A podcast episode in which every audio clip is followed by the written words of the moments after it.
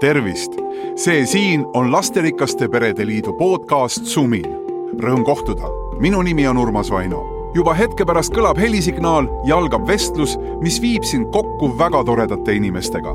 meil on täna külaline, kes avab ukse oma põnevasse maailma, pakub uusi ideid, jagab nippe ja praktilisi soovitusi. lisaks teen sind tuttavaks ka vähemalt ühe suurperega. oled sa valmis? aga hakkame siis sumisema tervitused taas kõigile, Sumin on taas äh, kohal ja suurt suminat täna teile pakume. see on siis ähm, Suurperede Liidu podcast, mis räägib elust enesest ja tänane äh, saade räägib äh, looduses viibimisest, räägib äh, matkamisest ja kõigest sellest, mis selle käigus võiks meie elus juhtuda, sündida või muutuda. aga enne veel, kui me läheme külalise juurde, on mul väga hea meel tervitada Tatjanat ja Andreit. tervist, Tatjana ja Andrei. Rõõm teid siin näha. ma saan aru, et teil on kahe peale neli last. millises vanuses teie lapsed on? Äh, no kõige vanem on kakskümmend kaks last on kuueteistaastased, noh, üks saab kuusteist varsti mm -hmm. ja kõige väiksem on kuuene, aga saab seitsmeseks ka varsti, järgmine kuu. et kõik on, äh, kõik eri on eri vanuses üsna erinevates, erinevates otsades, poisid-tüdrukud? Äh, kolm poissi, üks tüdruk. ja tüdruk on kus kohas siis selles? tüdruk on kuueteistaastane. no seal kuldses keskel, äh, keskel.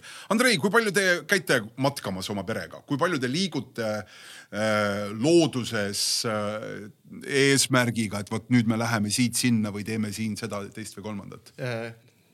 Tegelikult tihti, aga see ei ole võib-olla matk, klassikaline matkamine, kui me näiteks hommikul paneme asjad kokku ja jalutame kuskil metsas mm.. ei, me tavaliselt sõidame autoga kasvõi saartele, seal kas broneerime maja või kasutame RMK, RMK majad mm. -hmm.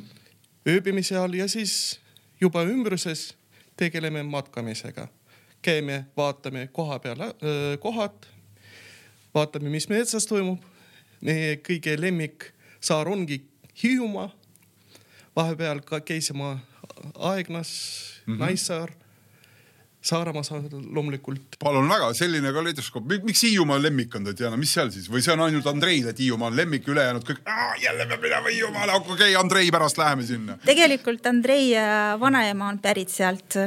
Ja, aga tegelikult me lihtsalt ükskord avastasime, et seal on väga armas RMK Leemeti maja ja seal me oleme käinud noh, ma ei tea, seitse aastat järjest, me käisime jalgratastega, käisime autoga, võtsime erinevad inimesed kaasa iga kord lihtsalt see on niivõrd hea koht, see on täiesti, seal ei ole mitte ühtegi maja ümber, et sa mm -hmm. oled täiesti niimoodi metsas. ja see hoov seal ja üldse noh, lastele ka väga hea, et. kui Andrei on Hiiumaalt, Tatjana, kust sina pärit oled?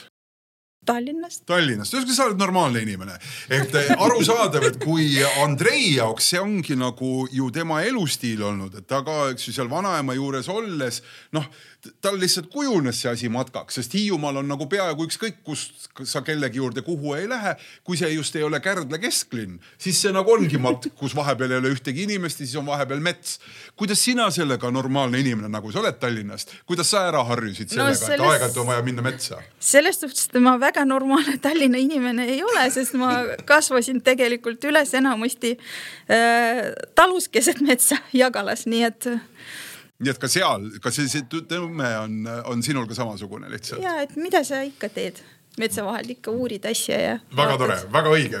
metsast uurimisest me täna räägime, sest et meie külaline täna siin selles äh, Sumina podcastis on Palbo Vernik. tervist, Palbo, suur rõõm sind siin näha.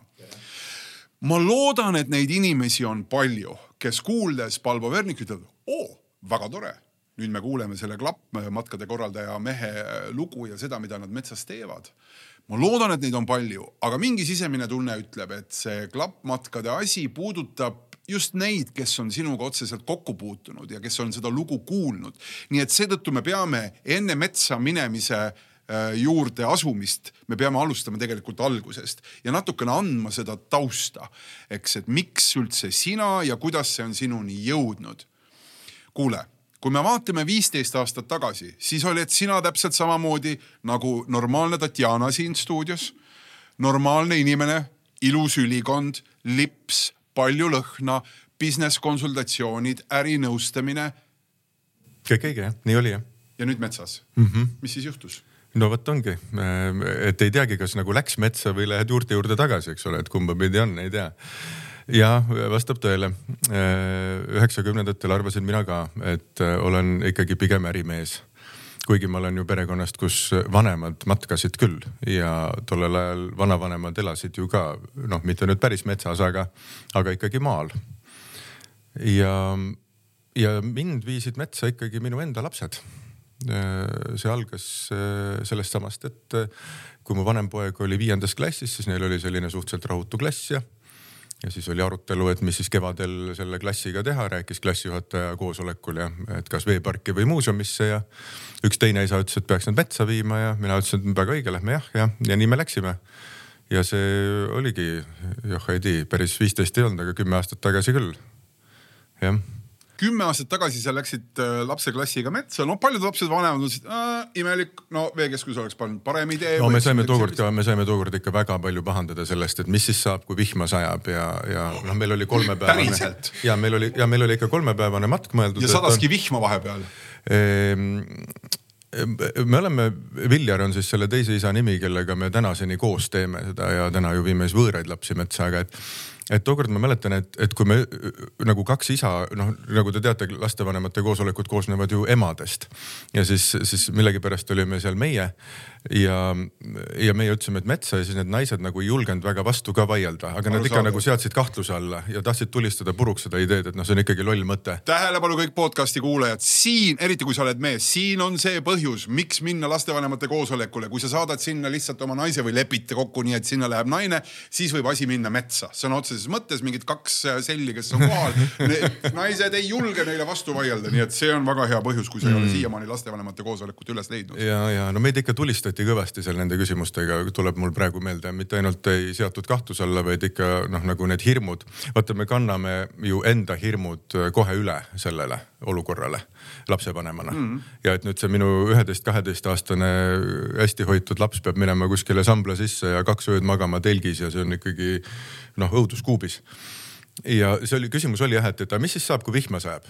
ja siis mina vist ütlesin seda, et, et no siis me saame märjaks. noh, et mis siis ikka, et me oleme tegelikult ju Tartust siis noh, sihukese tunni aja autosõidu kaugusel, et mm, -hmm. et igal juhul noh, me saame reanimeeruda, kui on noh, tõesti vihma sajab.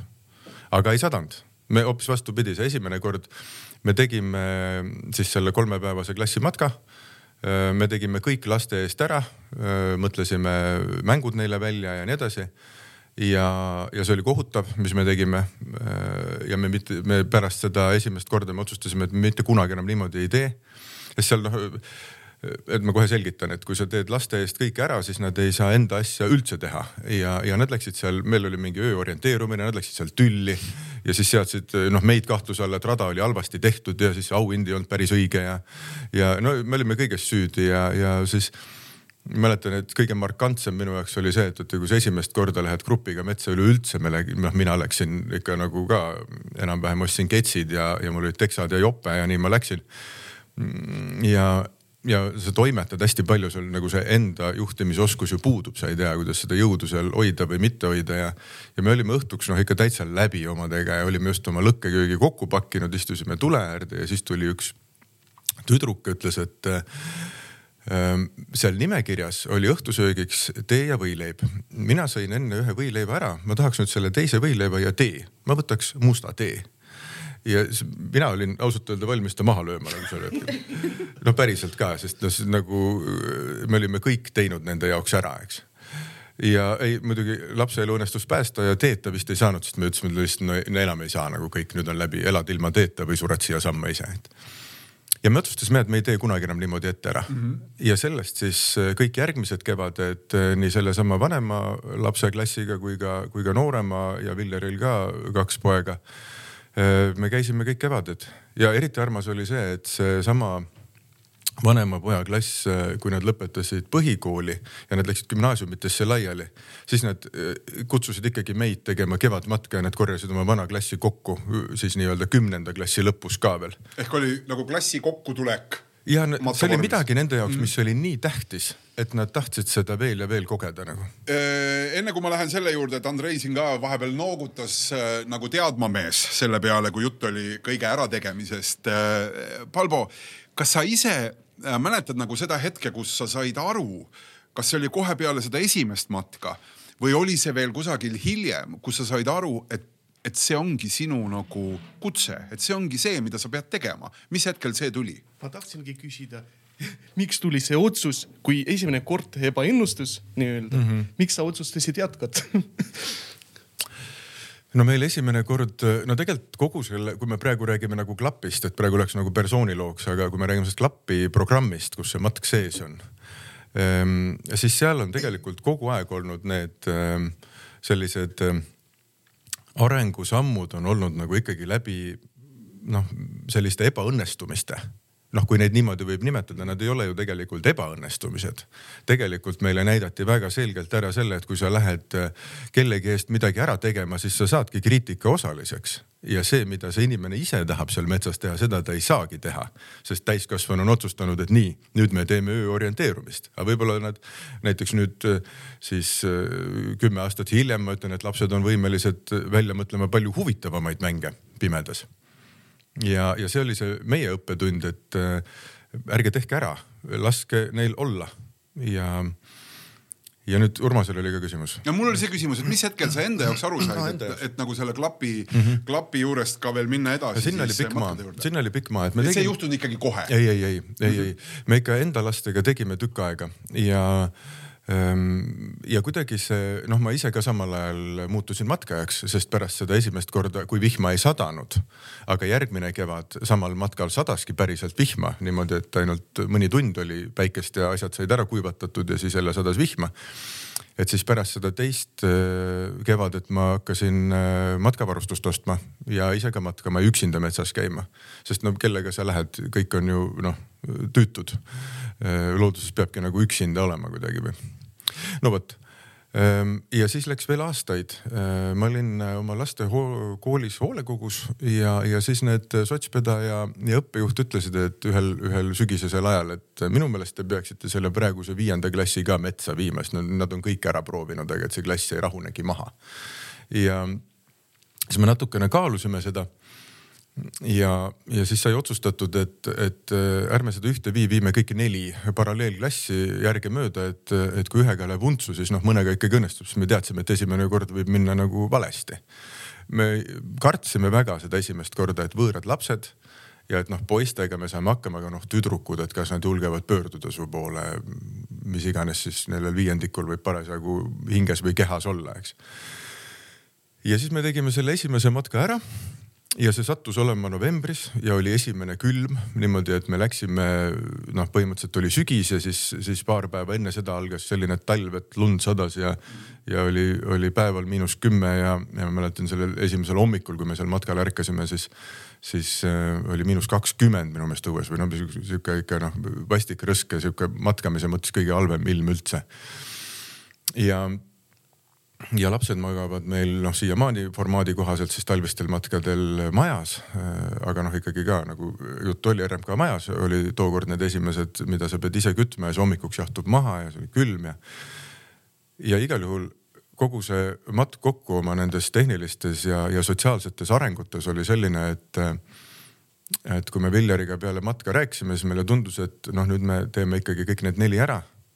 ja eriti hoogu andis see, et koolis õpetajad küsisid, mis tegite selle klassiga, et need on nagu ümber sündinud. me ei osanud midagi vastata, meil, meie jaoks oli see juba nagu see formaat oli juba selline tavaline, see koossöögi tegemine ja selline hästi palju iseregulatsiooni ja nii edasi. ja, ja siis ja sealt me kuskilt niimoodi hakkasimegi tegema neid. tegime esimene talv needsama neli matka ja järgmine aasta oli juba talvel selge, et seesama kool tahab neid edasi nendele samadele, kes olid siis kuuendikeks saanud, aga siis viiendatele ka ja kõrvalkool ka. ja tänasest seitse aastat hiljem on meil üle saja klappi õppeaastas, mis just nüüd siin maikuus lõpevad. sada matka. üle saja jah. üle saja matka ja. olete te sellel kevadel teinud? ei, sellel aastal, õppeaastal, õppeaastal, et nüüd on erinevad asjad.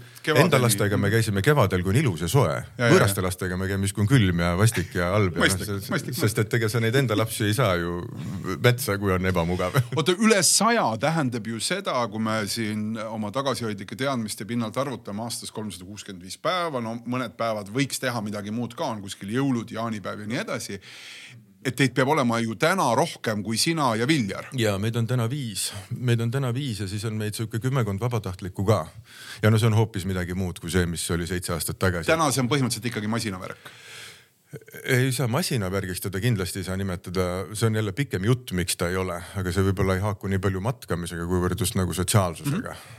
Ehk siis te teete seda ja nüüd juba palju laiemalt kaasate muuhulgas täiskasvanud, ma saan aru, et endiselt on need mehed, kes seal siis käivad ja, kaasas, eks ju, ja, ja, ja selle asja nimi on klapp.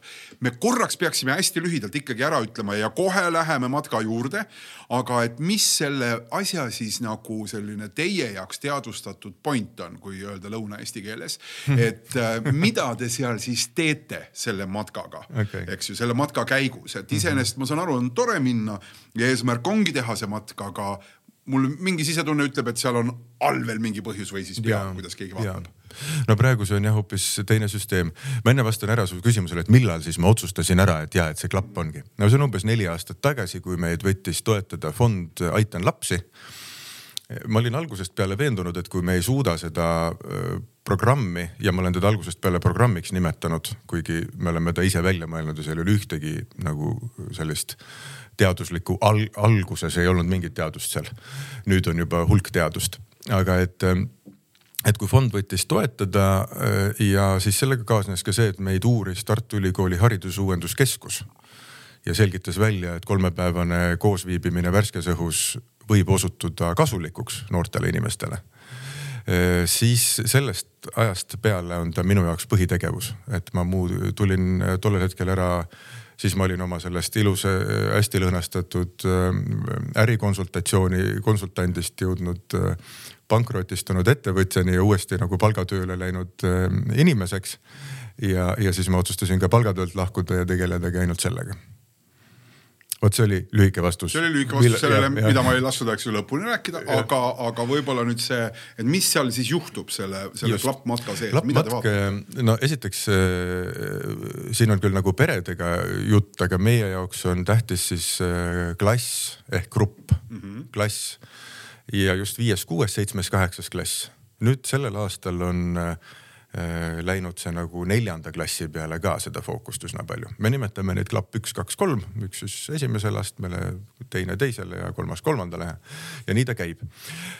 Äh, me kõigepealt edasisidestame lapsevanematele, et mida me teeme, ehk et see on siis seesama lastevanemate koosolek, kus emad saavad tulistada küsimustega, et mis siis saab, kui vihma sajab isad ka, ma kahtlustan, mõnikord muretsevad selle pärast. oi, isade mured on väga huvitavad, kui vaadata sinna, siis viimati oli küsimus näiteks, et mis siis saab, kui te kohtute karuga noh, mis näitab nagu loodusteadlikkuse nagu täie noh, või loodusest täielikku kaugenemist, eks, et.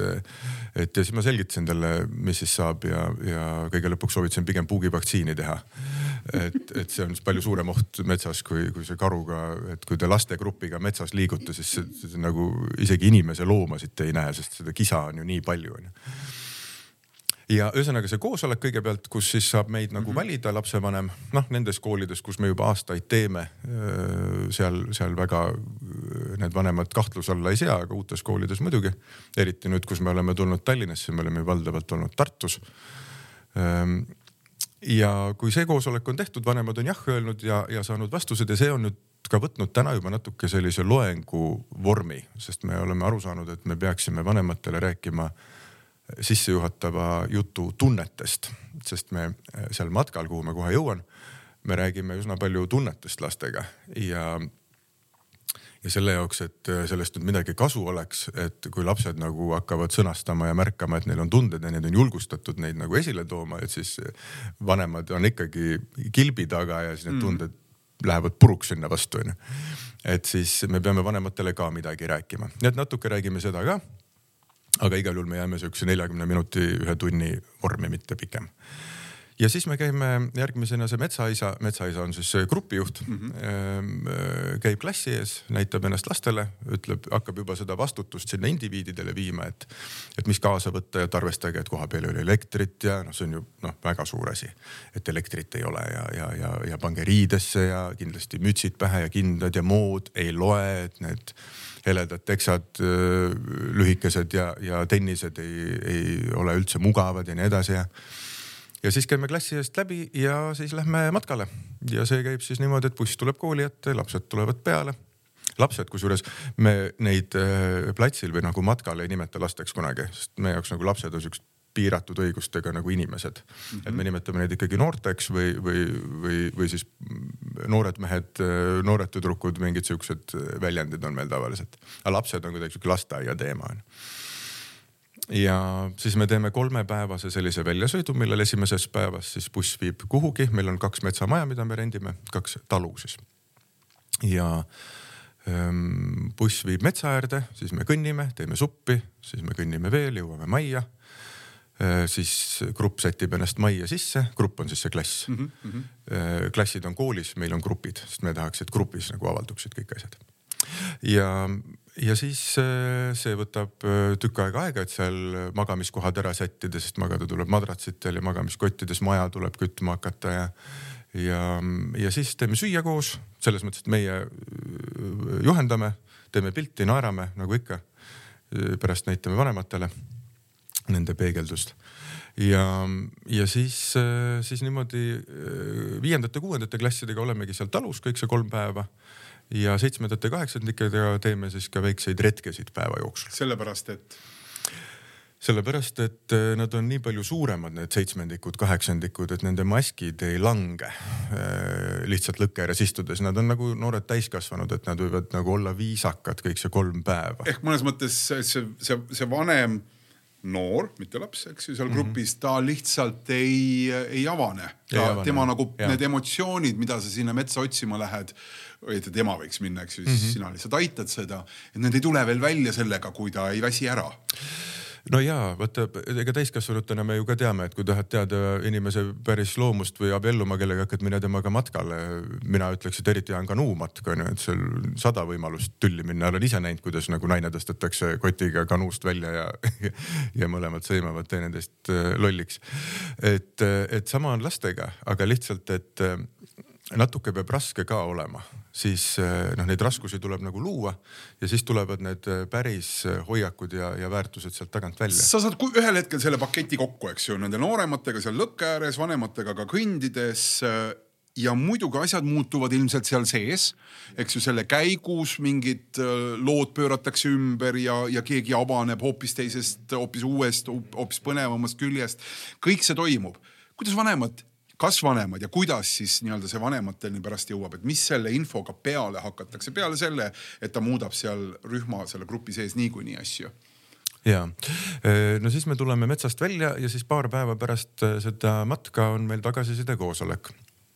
Ja seal me näitame pilte ja räägime, kuidas siis see grupp, äh, et mis me siis nagu tehniliselt tegime ja ja siis ka, mis siis äh, alloovustes toimub, et mis äh,, mis selles grupis sees äh, keeb või ei kee või mis seal on.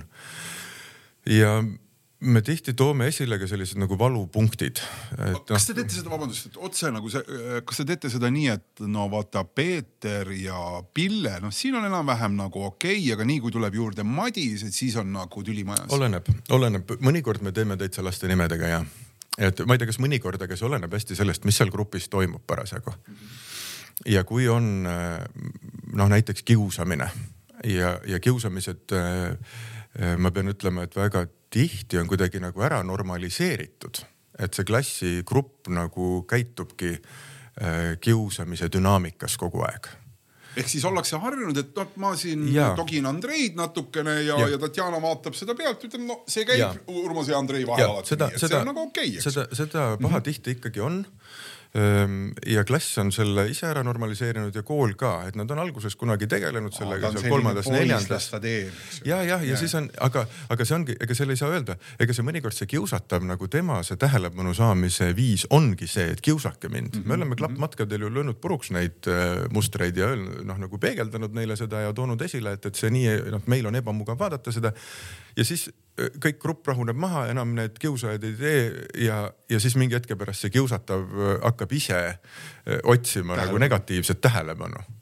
et, et noh, need mustrid nii kiiresti ei lange, aga me, vanemate ette me toome äh, ikkagi tervikpilti ja noh, ikka on grupis ju mingisugused äh, nähtavamad inimesed ja, ja siis on mingid äärealal olevad ja poiste puhul hierarhia hästi oluline grupis. ja, ja mingitel puhkudel sa ei saa lihtsalt sa nagu noh, kui see on ikkagi positiivses võtmes, et sa annad nagu seda klassipilti edasi vanematele mm, -hmm. siis on ju väga lihtne nimedega rääkida, meil ju matka lõpuks on kõik nimed selged ka, no ikka enamasti on. ja ja, ja lihtsalt, aga nüüd, kui on nagu see, et, et keegi kiusab või keegi on kiusatav siis nagu sa seda rääkima hakkad, siis tegelikult vanemad teavad seda, mis on hästi kurioosne nagu iseenesest. noh, nad nagu teavad, et ah ja see on meil olnud, sellest on räägitud küll ja õigus, õigus, aga et kuhugi pole jõutud sellega, eks.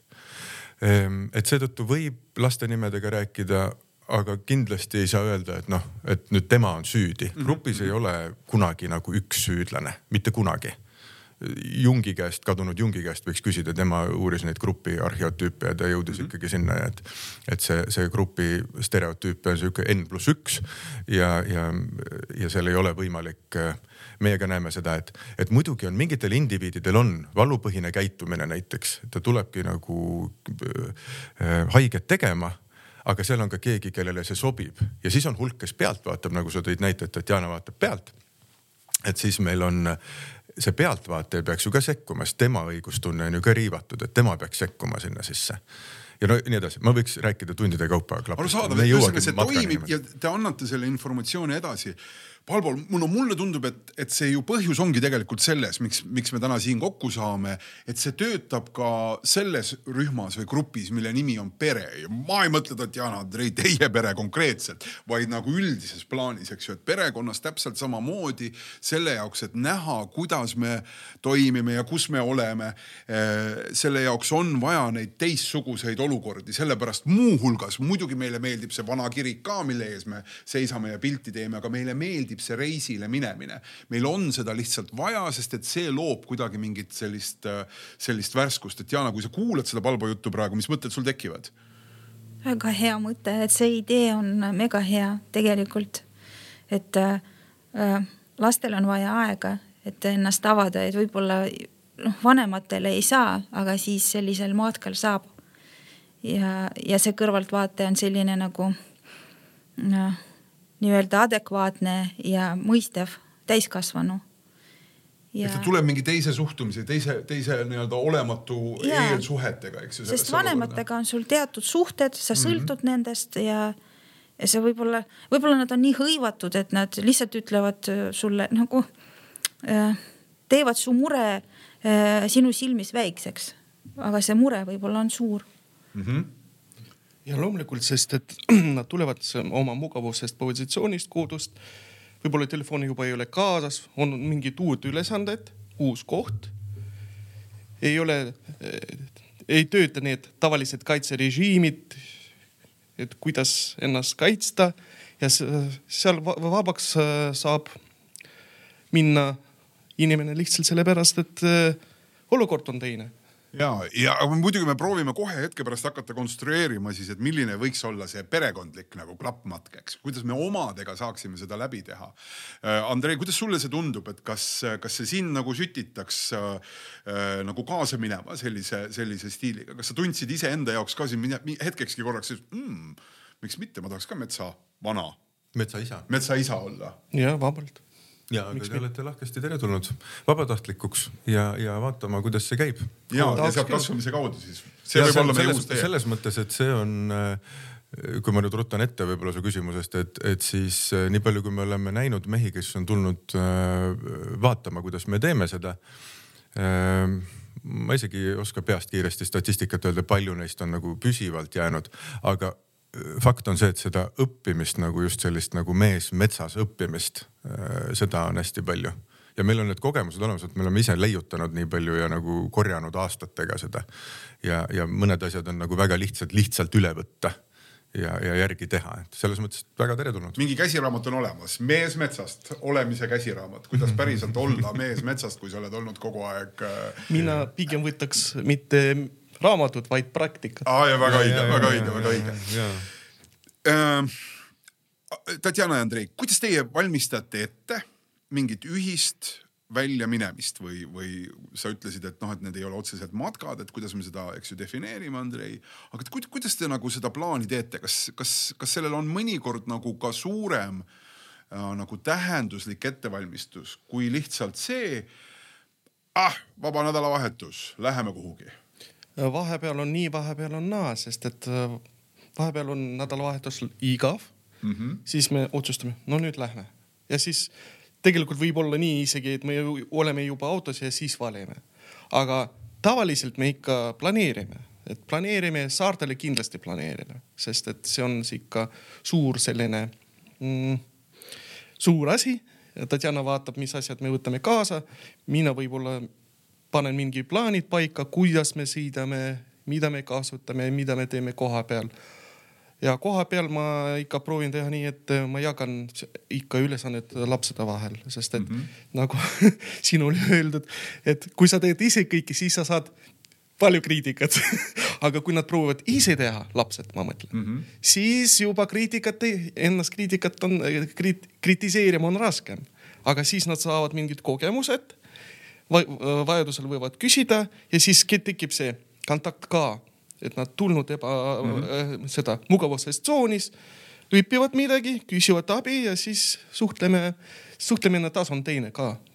arusaadav. Tatjana, kuidas sina seda näed, kuidas, kuidas see asi nagu sinu jaoks nagu toimib? et, et kummad sulle rohkem meeldivad, kas sellised spontaansed minekud või need, kus me planeerime ette pikemalt kuidagi?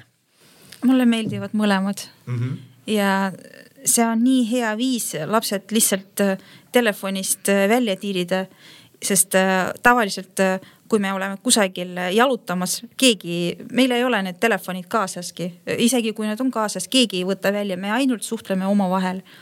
ja see on nihuke noh. aga kuidas sa pildistad siis, kui sa näed järsku, et oh, mingi aga, asi, mingi no, täiesti erakordne nähtus, issand see tuvi lendab, et kuidas sa pildistad ei, seda? Äh, me oleme lastega palju mõelnud selle peale, et ükskõik kui hea fotokas sul on, see, mis sa silmadega näed see on palju ilusam, nii et äh, isegi kui me pildistame midagi, ma ei ütleks, et meil on väga palju pilte mm. -hmm. me lihtsalt käime, me vaatame.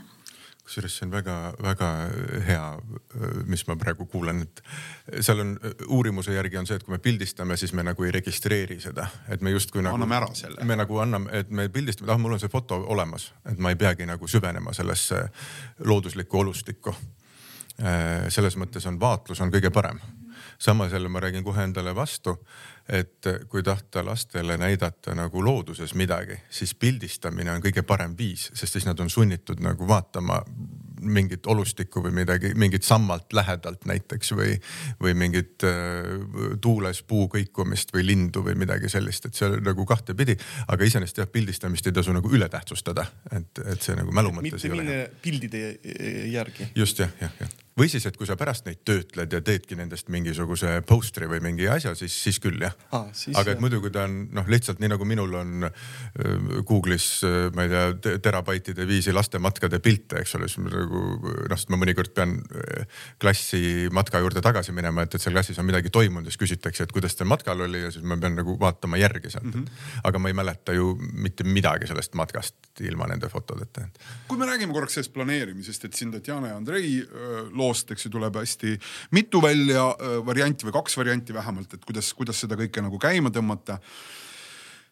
Palvo, mis sinu tunne ja see ongi õige, noh, lõppude lõpuks siin ei ole mingit äh, võimalust ju öelda, et oi, nii peaks või nii ei peaks, aga et, et kui mõelda seda üldse ette, kui planeerida seda ja ma arvan, et seda on, on vaja teha, eriti kui me räägime täna siin nagu suurte perede kontekstis, siis see on ju ikkagi nagu terve mm, müriaad mingeid probleeme, mis tuleb ära lahendada selle jaoks, et, et viia pere nagu kuskile mingisse teise keskkonda, neid liikmeid võib olla ju kümme koos vanematega. ja mitte ainult, et mina imetlusega kuulan arvan, et kui, kui need lapsed on ju suured siin kuusteist ja edasi, et, et siis on ju nii palju neid plaane neil omavahel, et kuidas, et sa peadki seda planeerima ju ette ju, neil on ju mingid sünnipäevad ja peod ja asjad, kus nad peavad tingimata viibima, sest noh, see on nende elu juba ju et kui see õnnestub nagu juba koondada nagu äh, pere ühiseks eesmärgiks äh,, siis, siis see juba on ju väga hea tulemus. ja kui seal õnnestub veel planeerimise sees nagu vaadata neid marsruute või, või tegevusi see muidugi eeldab nagu kogemust lastel, et nad teaksid ka, et, et selle sarnane kogemus juba on olemas, et kas seda tahaks korrata või mitte, et muidu on ju see, et kui sa küsid lapse käest, et mis sina tahaks teha, siis noh, kui sa ei ole kunagi käinud Pariisis, siis see, ma ei tea. Noh, ma, ma tõesti ei tea. Et, et kui sa hakkad rääkima, et no seal saaks süüa croissant'i, istuda kohvikus või käia sellises suures muuseumis või midagi sihukest mm, -hmm. siis, siis nagu oskab ta valida, eks, et ja looduses samamoodi et äh, antagu neid variante ette või siis, kui on kogemus, siis kaasata juba planeerimisse. kui me võtame ikkagi nagu konkreetselt nagu matka ja mõtleme täna nagu matkakeskselt, eks ju, et, et no, Andrei kirjeldas ja ma arvan, et matk on see ka, et me ööbime selles, selles RMK majas, me oleme selle nagu endale baasiks valinud. et mis on need asjad, mis võiksid olla nagu matka kontekstis nagu mõtlemise juures pildil, Palvo? oh sa sade ehm no mina, ma seda tehnilist osa ei oska öelda, see on ilmselt pereti erinev. Äh, ma mõtlen tagasi, kui, kui me enda perega tegime neid selliseid väljasõite. Äh, mina kindlasti soovitaks lõkkesöögi peale mõelda nagu lõkke peal söögi tegemise peale noh, ükskõik mis võtmes, mis parem, noh katsetadagi lihtsalt ja lastagi nagu kõigil teha. Äh, mida planeerimise juures veel? Noh, nagu nende olustikega nagu vot seal on nagu ettemõtlemine on ka üks selline oluline asi, mida me lastepeegelduses näeme, et, et sa võid ju rääkida, et elektrit ei ole ja vesi on meil kaasas ja, ja siis süüa teeme lõkke peal ja nii edasi. aga et kui ta ei ole seda näinud, siis, siis seostumine puudub, et siis ikkagi esimene kord ongi nagu selline äh, natuke šokimeetod mingid konfliktid ikkagi tõenäoliselt seal tekivad, vähemalt sisemiselt. järsku tekivad, saan aru millestki, eks ju. konfliktid tekivad sellistel hetkedel ju kogu aeg mm, -hmm. need ei ole mingid suured paugud lood, lood, lood, loodetavasti, eks ole. aga kui on, siis väga hea, siis ju avanevad. konflikt on, eks ole, grupis võimu ümberjagamine et see ei ole nagu, mida me siin tihti kultuuriruumis mõtleme, et see on nagu tülli minemine, siis minnakse lahku ja siis ma ei tea, paarid lähevad lahku, sest konfliktid olid ja midagi sihukest. ei, ei konflikt on võimu ümberjagamine ja, ja siis tulebki ja lapsed ju saavad seal ju äh, näidata enda nagu käitumisega oma seda täiskasvanulikkust või nagu seda, kuhu nad on arenenud, et sa saad neile anda nagu vastutust juurde selle peale, et aga ma vist kaldusin vastusest. ei, ei, ei, see on, see on täiesti see, see mõte liigub nagu arusaadavas suunas, see, see kõik on loogiline, ma lihtsalt vaatasin, kuidas Andrei reageerib ja mis see, mis see isiklik kogemus on, eks, et kuidas me seda teeme, kuidas me seda, seda nagu võimalust siis loome, et seal saaks juhtuda need kohtumised iseendaga, eks ju, arusaamised mingitest ja, asjadest, mida ja, see matk tähendab. et et mina fännan gruppi ja, ja kui me võtame pere kui grupi, et siis vaata grupi sees on äh, viis suhtlustasandit ja kõige esimene ongi mina minu sees, siis mina paarina siis mina väikses, väikses grupis, noh, teil on suur pere mm, -hmm. teil ju tekivad väiksed grupid, seal kõik ei saa korraga rääkida laua taga juttu onju. ja osad tahavad minna metsa kõndima, teised tahavad minna, ma ei tea, oja äärde istuma ja noh, mingit siukene. keegi tahaks minna ujuma kohe, eks ju, keegi tahaks ja. enne kõndida mm. -hmm. just, just, just, et tekivad mingid grupid ja siis nende gruppide vaheline suhtlemine. noh ja siis viies tase on nagu juba välimised grupid, teised pered näiteks, kui tuleme et, et siis see kõige esimene tasand, et see enese sees suhtlemine, et see juba on hästi suur areng, eks hästi suur areng, et kuidas ja seda näiteks meie klassides näeme ka laste pealt, et kellel on see eneseorganiseerimise oskus juba olemas ja kellel ei ole. Noh, seal näiteks võib esile tuua näiteks rahvatantsijad on mingi eraldi liik lapsi, kes nagu alati oskavad, ma ei tea, magamiskoti sees näiteks riideid vahetada, nad on olnud tantsulaagrites, neil on nagu, nad teavad, kuidas oma asju panna, kuidas ennast organiseerida, nad teavad, kuidas jõudu jagada päeva peale, et, et, et kui ma siin nüüd praegu kõik ära lällan, siis ma öösel ei jaksa üleval olla, onju, päeval võtan rahulikult, öösel lällan alles, no vot siuksed nagu kogemuslikud käitumised juba aga seda sa ei saa nagu õppida muud moodi kui ikkagi praktikas, ainult selles keskkonnas just. ja siis tulevad teised lapsed, kes pole kunagi kaks ööd kodust ära olnud ja siis nende jaoks on nagu kõik on nagu neil on esimeseks õhtuks on võhm väljas, telefonikõne emale, nutt, et issand, ma tahan kohe koju saada see emotsionaalne väsimus on nii suur kõikidest nendest uutest asjadest. no muidugi sõidad gaasi, gaas põhja kohe noh, sest et sul puudub kogemus, et, et see ei ole see kahetunnine pargis jalutamine, vaid see on terve kakskümmend neli tundi teekonda, et ja, ja siis veel järgmine kakskümmend neli ja veel üks kakskümmend neli Tatjana, kuidas teie peres on, kuidas te teete eh, seda, kui eh, Andrei ütleb, oo, ma tean, et siin metsa taga on üks huvitav koht, tahaks minna sinna, aga kuueteistaastane ütleb, et hmm, pigem ujuks või sööks praegu rahulikult jäätist? Äh, meil on õnneks äh, täielik arusaam omavahel. et alati on Andreil õigus? Äh, ei, mitte nii, aga me usaldame, kui tema ütleb, et kusagil on huvitav, siis seal on huvitav ja me ikkagi läheme kaasa praegu Andrei pandi sulle väga suur vastutuse koorem, nii et edaspidi iga kord nagu kui on, kui miski ambitsioon tuleb, et siis peab olema huvitav. kuidas sina näed seda, et kuidas see, kuidas see teineteisega arvestamise mehhanism on siis tekkinud, kuidas see, kuidas see on kujunenud sellisena mm,? kogemusega ainult aastaid, kuna me oleme viisteist aastat rohkem ei saa. varsti ka. väga hea, sa kontrollisid Tatjana veel. koos aastatega see tekitabki, et. ja meil on enam-vähem äh, ühesugused huvid ja Andrei on muidu ma alati olen mõelnud, et temale sobikski see lastega töö, sest ta on isegi kusagil suvelaagris noorena olnud mm -hmm. mingi huvijuht. ja siis alati, kui me läheme kellelegi külla, lapsed on kogu aeg tema ümber. okei okay,, ma saan sellest aru, aga Andrei käest tahaks nüüd seda ikkagi kuulda, et kuidas sina loed seda, et seekord see minu poolt pakutav huvitav asi metsa taga, las ootab, et peaasi, et nad saaksid siin oma selle jäätise ja ujumise ära teha, sest et, sest nad tegelikult vajavad seda võib-olla äh,. täpselt vaatan lapse peale, kui ma näen, et nad praegu on väga keskendatud mingi teise peale, ootavad seda, siis ma ei sekku, see koht seal, see kuskile ei jookse et me võime sellega oodata, täpselt, aga kui ma näen, et nad lihtsalt on laisk, siis ma natuke seal panen oma nii-öelda jõudu, et davai, davai, ärkame, ärkame ja teeme seda, seda, seda. Ja siis võib-olla ma pakun veel midagi sellist et teeme sama päeval seda, seda, mida pakub huvi ka, et natukene motiveerida, motiveerida. Valvo, kuidas te seda grupis teete, sest et seal peres on ju veel, siin ongi nagu need dünaamikad, et noh, natuke emale meeldima, isale meeldima, ma püüan seda teha, minu enda, eks ju, proovin seda mängida, aga grupis teil on ju plaan. Ja see plaan näeb midagi ette, aga selle plaani sees on välja väga palju mikrohuvisid, eks ju, tahaks lällata kohe, tahaks lällata öösel. noh, see hea näide, et kuidas te seal seda hoiate, et see asi ikkagi liiguks ja jõuaks sinna välja, mis teil plaanis on olnud? no meil tegelikult on palju lihtsam.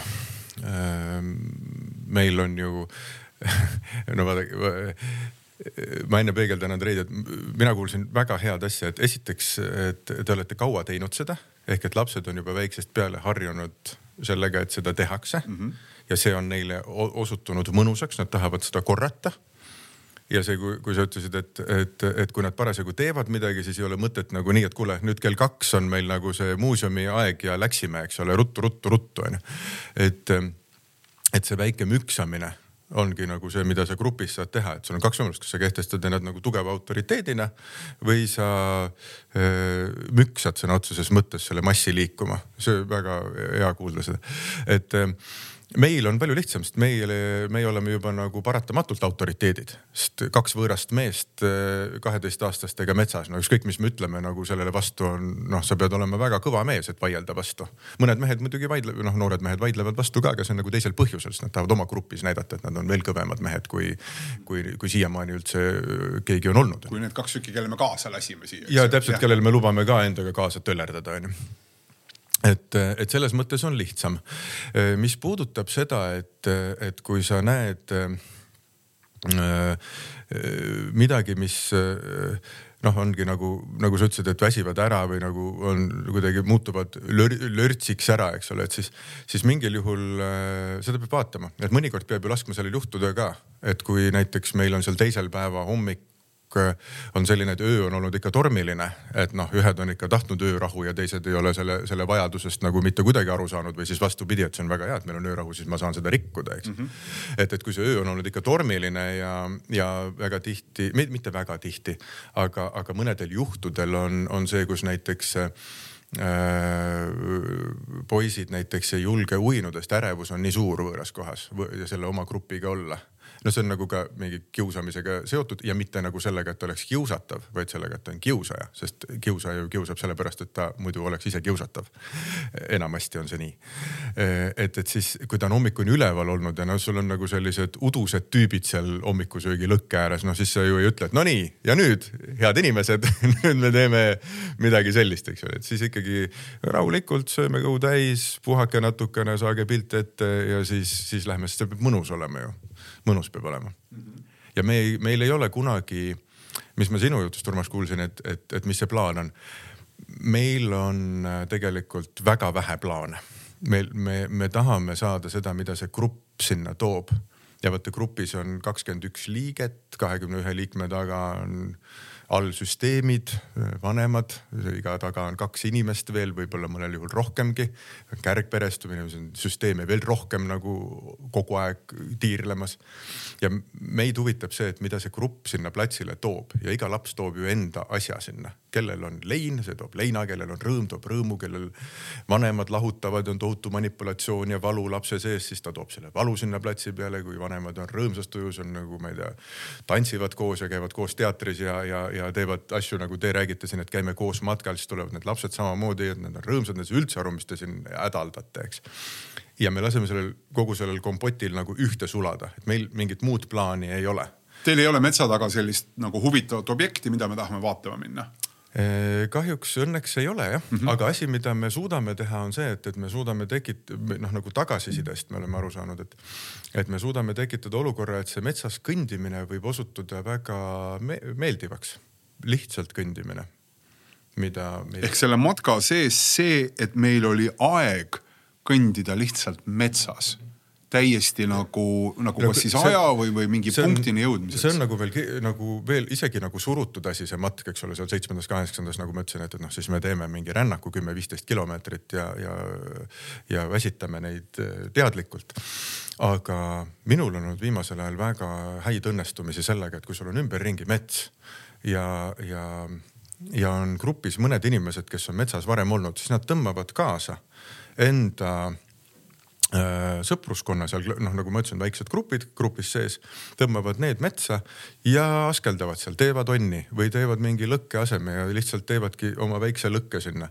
ja, ja see on ju kõige parem, nad on omas seltskonnas looduse keskel õpivad tundma, ma arvan, et see loodusõpe on seal oluliselt suurem kui mis tahes äh, ainetunnis, et. et, et kuidas see puu põlema saad, kuidas ta põleb, kas on tuleohtlik või ei ole, noh, kõik sihuke enese ava, see avastamine, see et.... Palvo klass läheb metsa, teil on kaks täiskasvanut ja te lasete nad metsa yeah. lõket tegema yeah. või ennast yeah. avastama või yeah. taevas avastama, onni ehitama yeah.. Yeah Nad vigastavad ennast ju kohe seal, neil ei ole on... nutiseadmeid, nad ei tea, kuidas neid asju teha. ja on olnud juhtumeid, kus äh, meil on seitsme aasta jooksul olnud üks kord ja see oli vahetult enne vaheaega, kus keegi lõi kirvega sõrme. aga kirved on kogu aeg platsil, nagu kogu aeg. okei okay,, ma olin muidugi irooniline, eks ju, või proovisin seda mängida, aga see on see on vanemate vaja... hirm, see, mis sa räägid, see on vanemate hirm, see on sinu ettekujutus, et issand, ta ei saa millegagi hakkama ja see on tead kui õudne, kui sa kuuled, kui, kui sul ema toob sinna bussi peale selle lapse, sõna otseses mõttes toob.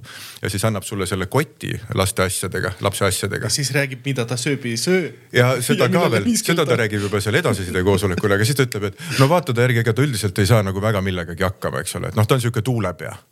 ja siis ta sul on platsi peal, on ta kõige asjalikum tüüp üldse, eks aga lihtsalt ema on otsustanud, et kuna see, võib-olla ta on sellest lapse isast lahku läinud ja see oli nagu sihuke mõttetu mees ja siis ta nagu ütleb, et see laps on ka, eks ole, ta toob need enda hirmud sulle platsi peale. aga peredes seda noh, nii palju on, eks ole, et, et sul on nagu lapsevanemana nagu raske aru saada, et mis vanuses või mis arenguetapis su laps parasjagu on. täiesti tahangi küsida seda, Tatjana Andrei, kui te olete seal metsamajas ja kui te teete seda asju, mida te siis lubate ja mida te, mis on nagu siis väljaspool lubatud?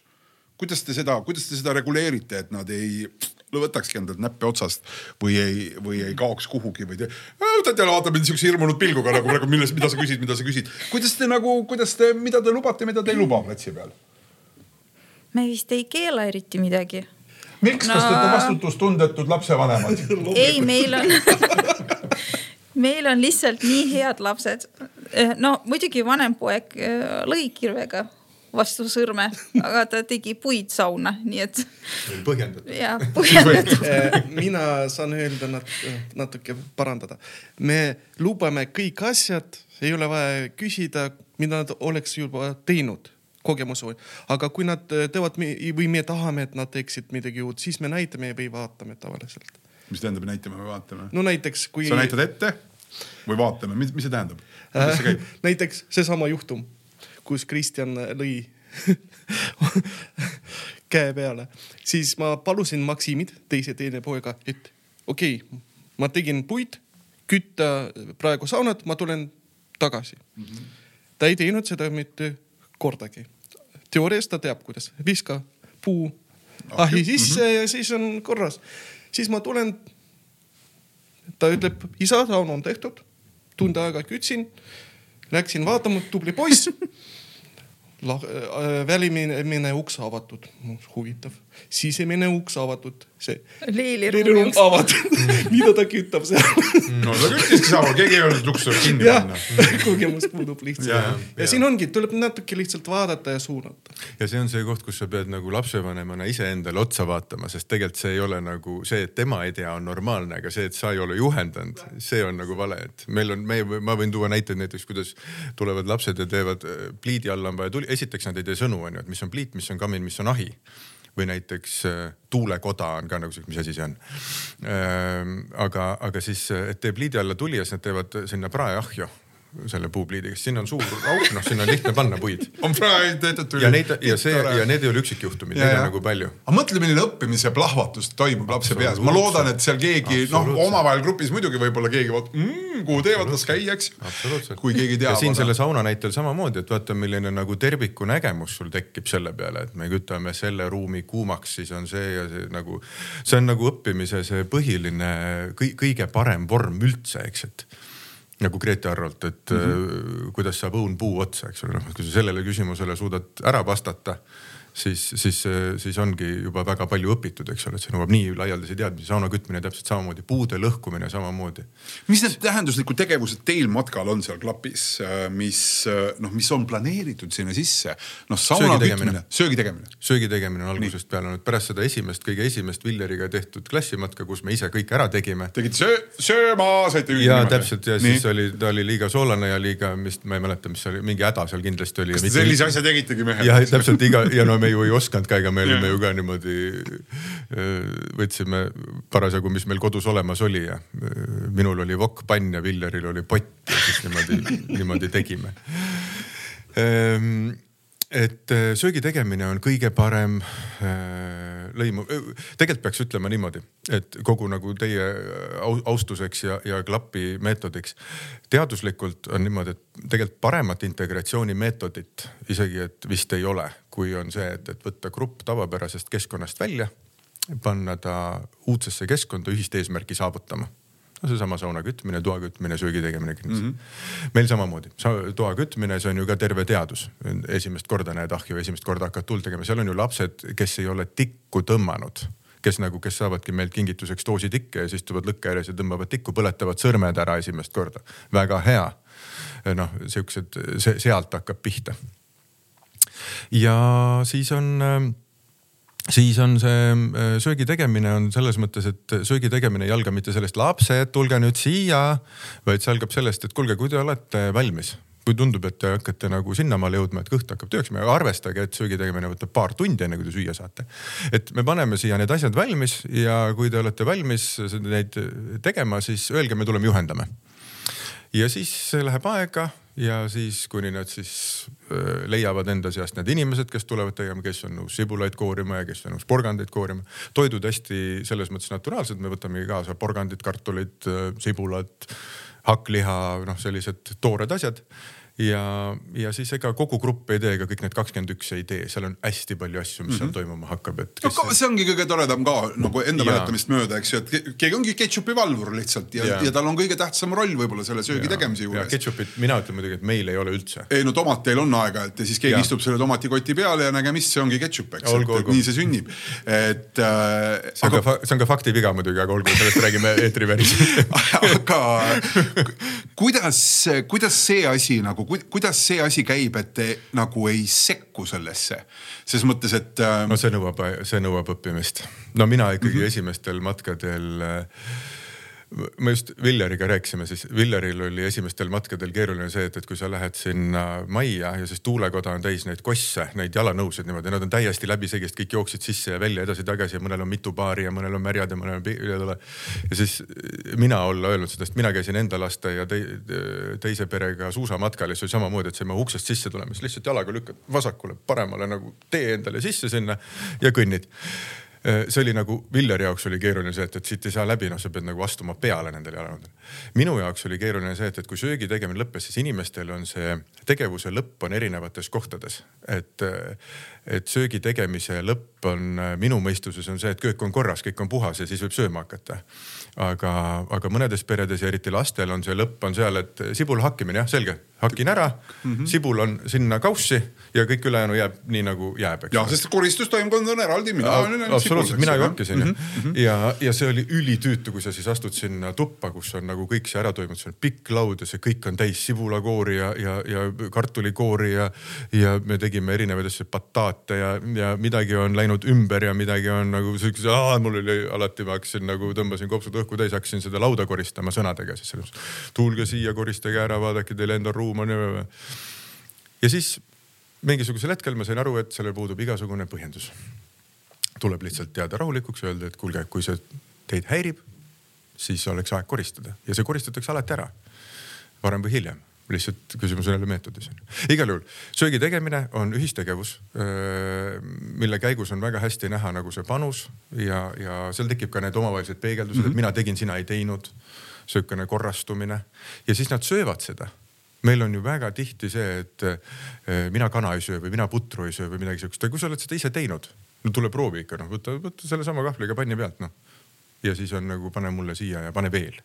noh ja, ja nii niimoodi Tatjana Andrei, kuidas te olete oma laste puhul äh, aidanud neid, neid asju tegema, et kuidas ise mitte sekkuda selles mõttes, et äh, lõpuks me ju vanematena kipume sekkuma ka noh, kuidas ma ütlen nagu passiivselt, eks ju, sõnaga, me hakkame lihtsalt ütlema oi-oi-oi, et kuidas sa nii teed, kes seda last on kasvatanud ja oleme enda arust nagu lõbusad, aga lõhume tegelikult selle juures midagi võib-olla täiesti ära, et. et, et kuidas, kuidas te olete andnud selle tegemise vabaduse ja kuidas te hoiate ennast sealt eemal, siis kui see tegevus käib? võib-olla mõnikord on hea lihtsalt ära minna sealt, kus laps toimetab. et lastagi teha seda lihtsalt. ja, et kui vaja, siis kutsub. Et siis, kui ta päriselt abi vajab, et siis sa tuled alles tegema seda? ja. meil on alati niimoodi mm -hmm.. võib-olla esimest korda me näitame, aga samas mul ei ole aega süüa teha. võtke seda enda peale või Mm -hmm. ja, ja siit kõlab läbivalt see, et, et, et vanemad tihti annavad vastutuse ja siis võtavad selle kohe tagasi, mis sa näitena tõid. no aga kontrollima seda, eks ju. no ja, sest sa ei tee üldse nii, nagu ja, mina ja, seda ja, teeksin. siis sa ei tee nii kiiresti, siis sa ei lõika nii väikseks ja siis on kõik need asjad. Ja, ja just ongi, see vastutus tuleb anda, jättagi sinna niikaua kuni ja ongi mõnikord lähebki untsu noh ja peabki minema untsu, muidu ei saa teada. võib-olla ma ka ei oska nii hästi teha sedasama asja, et vahet ei ole, kes teeb, mina või laps. ma lihtsalt ise ka. ja, aga no seda monopoli ju tahaks õi-, omada ikkagi, et kui mina teen, siis see on õige ja, ja, ja ma pean sellest kuidagi lähtuma, et see ei ole lihtne anda mhm. seda ära, eks ju, et võib-olla ma tõesti ei olegi selles kõige parem või et sinu sibula hakkimine võib olla parem veel kui, kui tegelikult minu oma see on lapsevanema suureks saamise. absoluutselt, see on lapsevanema arengukoht, see ei ole lastega mingit pistmist seal uh, mis nende untsu minemistega on, kuidas te olete ja noh, mingid asjad lähevad untsu, et kuidas te, kuidas te siis käsitlete neid äh, matkadel ja, ja, ja Tatjana Andrei, teie oma perekonnas ka nendel samadel matkadel, et kui midagi läheb nii nagu, nagu ei oleks pidanud üldse minema? sa mõtled nüüd füüsilist äh, või, või, või sotsiaalset? mõlemat pidi no selle füüsilises osas meil nagu ei olegi untsu minemisi, noh, ongi. protsessi osa. see ongi protsessi osa, et teeb sinna praeahju selle tule ja siis on vaja ta juhendada sealt praeahjust sinna õige auguni ja, ja, ja, ja ilmselgelt nagu hukkamõistmine on noh välistatud, sest et see ei ole see, nagu ma tõin selle sauna näite, et see ei ole mitte tema, vaid, vaid see on lapsevanema nagu või noh, ise me oleme nagu ja, ja, ja isegi see ei ole ka nagu vale, vaid et ongi see sauna kütmise näide on väga hea näide, sest et, et seal see siis avaldus nagu mõlemale korraga, et noh üks. mina arvasin, et ta teab, teab, kuna ole, ta mitu korda nägi mm, -hmm. kuidas ma seda teen tavaliselt mm. -hmm aga tuli välja, et jah ja,, mädaneb küll, aga ta ei. ei pannud rõhka õigesse kohta, ta ei saanud aru, et kõige tähtsam selle sauna kütmise juures on ukse kinnipanemine. tema arvates oli see ikkagi ja. nagu puude heebeldamine sinna alla, mis on tähtis. pane puuahju sisse, kõik. inimeste platsi nägemine hästi erinev. mina võiks veel tuua siia juurde, meil on üks väga huvitav sotsiaalfüüsiline tegevus, just mõtlesin välja sellise sõna sotsiaalfüüsiline ehm, toa koristamine, et kui on kolm päeva seal oldud, noh, inimeste see puhtusharjumused äh, on erinevad ja, ja siis kõik see sodi on seal laiali, madrats tuleb ära kloppida, panna sinna hunnikusse ja nüüd on vaja põrandat pühkida. Põranda pühkimine on mingisugune jällegi hääbuv oskus meie, meie noorte seas, esiteks vist sellepärast, et, et sa ei pea seda tegema, teiseks sinu eeskujuks on tihti, mulle tundub, et vist robot-tolmuimeja sest nagu kui sa mõtled nagu koristamise peale ruumis, siis sul peab olema ruumitajuvus Äh, sul peab olema mingi platsi nägemine, sa pead nagu mõtlema süsteemselt, et kui ma alustan keset põrandat siit natuke pühin ja sealt, siis ma ei saa seda puhtaks, ma pean tulema kuskilt nurgast, hakkama nagu see selline võimekus on väga vähestel, noh, on aru saada, et nad on teinud, aga need, kellel ei ole, siis on väga huvitav vaadata, kuidas nad kõnnivad harjaga natuke siit, natuke sealt mm -hmm. ja mitte kuhugi ei jõua ja siis sa ütled, et kuule, et ei no ikkagi on must, ei no ma pühkisin ju. see, et sa pühkisid, see ei tähenda seda, et see puhas on, et nüüd lähme uuesti vaatame, näed, siin on ja siin, kuidas selle saaks lahendada. ja see ja see toimub nagu kõige raskemal ajal, see on ju siis, kui nagu kolm päeva on nagu pidutsetud mm -hmm. ja tehtud ja üleval ja öösel ja päeval ja liigutud ja, ja buss on nagu mõne tunni pärast tulemas ja ma pääsen siit, siit sinna koju, kus ma saan duši alla ja, ja WC-sse, noh, ei pea kemmergus käima ja nagu mingisugused ja siis sa pead pühkima seda põrandat ja, ja mina nimetan seda metsaisade meistriklassiks, et kui sa suudad nagu selle toa koristamise organiseerida niimoodi, et sul on käed taskus ja sa mitte kordagi ei tunne, et sa nagu tasakaalust välja lähed, siis oled valmis aga see ei ole lihtne ja ei kindlasti, kindlasti mitte, kindlasti mitte ähm,. vaikselt lõpupoole meie vestluse äh, nii-öelda viimaste hetkede poole tüürides äh, veel mitte see õhtu või päev juba, kui see buss tuleb, vaid, vaid need õhtud. et ähm, ma ei tea, Tatjana Andrei, kas te, kas te noh, ma kujutan ette, et see peres ikkagi on pigem nagu spontaanne, eks ju, et mis me siin õhtul räägime ja mis me siin õhtul teeme. Aga kas te mõtlete nagu ka seda kuidagi ise omavahel ette või kas te ise oma peas olete mõelnud ette näiteks, et oh, et me saame seal istuda ja rääkida näiteks sellest asjast, mis meil on siin perekonnas natukene nagu praegu lahti või mingi asi, mis vajab nagu kuidagi lahendamist. ma mõtlen lihtsalt, et see on nagu väga tähenduslik hetk alati ja, ja, ja, ja need on väga ilusad hetked, kui need õhtud nagu seal voolavad ja meil on olnud ühine päev selja taga ja midagi on tulemas ja, ja see annab mingi nagu nii ilusa nagu fooni olla teistmoodi kui argipäeva õhtul. Millised need teie õhtud on seal äh,? siin tavaliselt me ei planeeri ette, aga me kindlasti võtame mingid asjad kaasas. et kui me tahame mängida, siis me mängime mm, -hmm. võtame, ma ei tea, kaardid, must notsu, mis mm -hmm. iganes ja siis mängime või räägime. kõik sõltub, aga tavaliselt me ei planeeri lihtsalt võtame võib-olla. ja, ja meil asjad. on nii erinevad lapsed ja igaüks räägib midagi nagu midagi erinevat ja erilist ja nii hea lihtsalt kuulata. kui sa räägid kogu aeg noortega, siis sa jääd ise ka nooreks, et see tuleb, see on nii huvitav, mis see on räägivad. tõesti suurte perede vanemate üks neid suuri võlusid, et sa oled kogu aeg selle kõige noorema lapsega koos tema maailma sees milleski kaasas Palvo, kuidas nendel matkadel on, kui, kui teie olete neid korraldanud, kui sa ütlesid, et üldiselt päev nad ise toovad, ise teevad, kuidas te seda hetke ära kasutate, et see siin on tegelikult eriline hetk?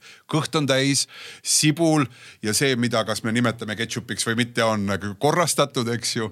ja see kõik on nagu selline mõnus, kuidas, kuidas te kasutate seda hetke? meil on olnud äh, klappi ajaloos erinevalt alguses äh, minule väga meeldisid need õhtuhetked, needsamad, et, et see päevatöö on tehtud ja siis on selline, eriti just nagu kevade poole matkadel, et siis on ju sihuke videvikutund, et väljas päris pime veel ei ole, on hämar ja ja, ja kui sa näiteks, meid on viinud väga huvitavatele vestlustele ropp-sõnade tõlkimised. Päeva jooksul, sest noh, noored ropendavad ja, ja see on mingi vanuseline asi, sellesse praegu ei lähe.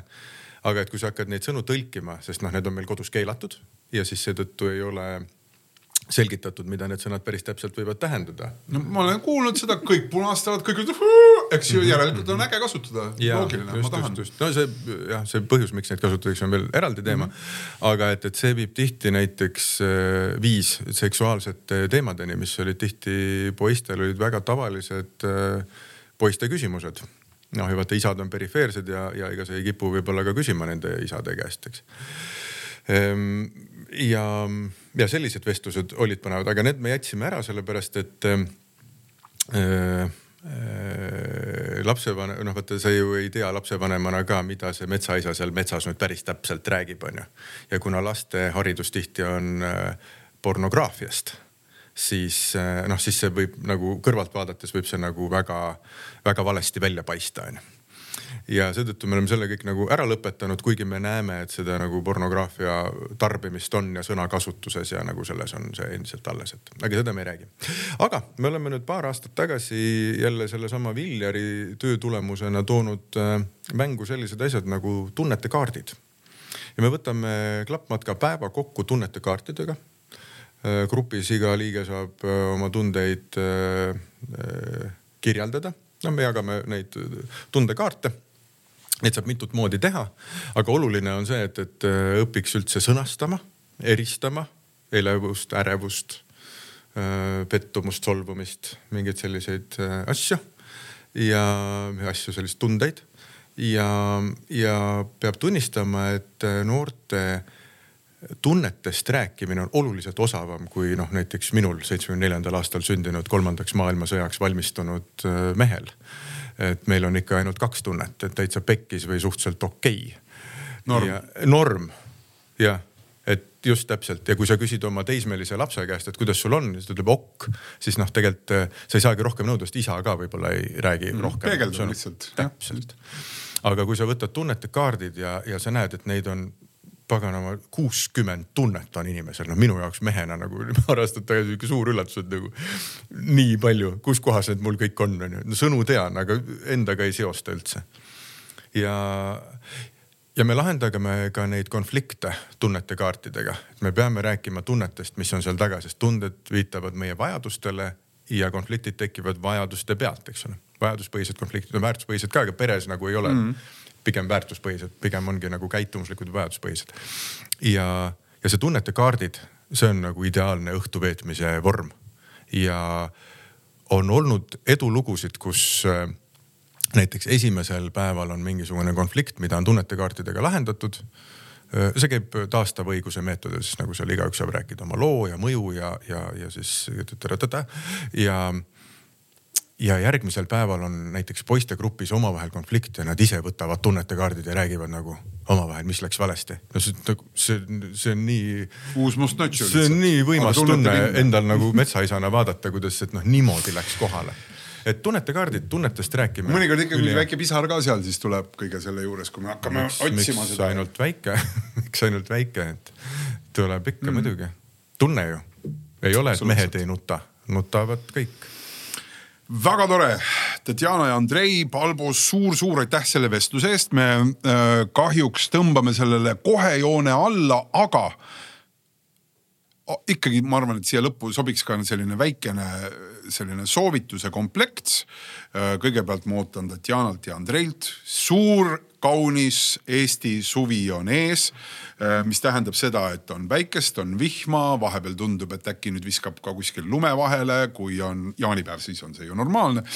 nii et kõik see on ees olemas ja, ja, ja kui ikkagi tahta ette võtta üks ähm, ühine retk või matk mis on teie soovitus, kuhu võiks minna, mis võiks olla see koht, mis kaardi peal äh, võiks olla tähistatud selle punase punktiga ja, ja, ja, ja mille osas siis võiks panna, et sõida sinna mm.? Neid on nii palju. ja, ja ma tean, et neid on palju, aga sellepärast ma küsingi teie käest seda ühte, kuhu teie soovitate. muidugi te peate arvestama, et siis on nad kõik seal ees, et kui teie tahate sinna minna, siis on äh, parkla juba autodest äh, tulvil. nagu ma rääkisin alguses, et äh, kindlasti ma soovitan minna saartele, mis iganes saartele, kui te ei ole käinud.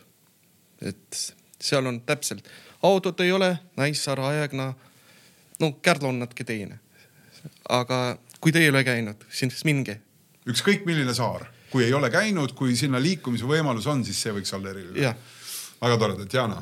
no see Hiiumaa RMK Leemeti maja on ikkagi mu lemmik ja samamoodi me oleme lastega käinud Aegnal.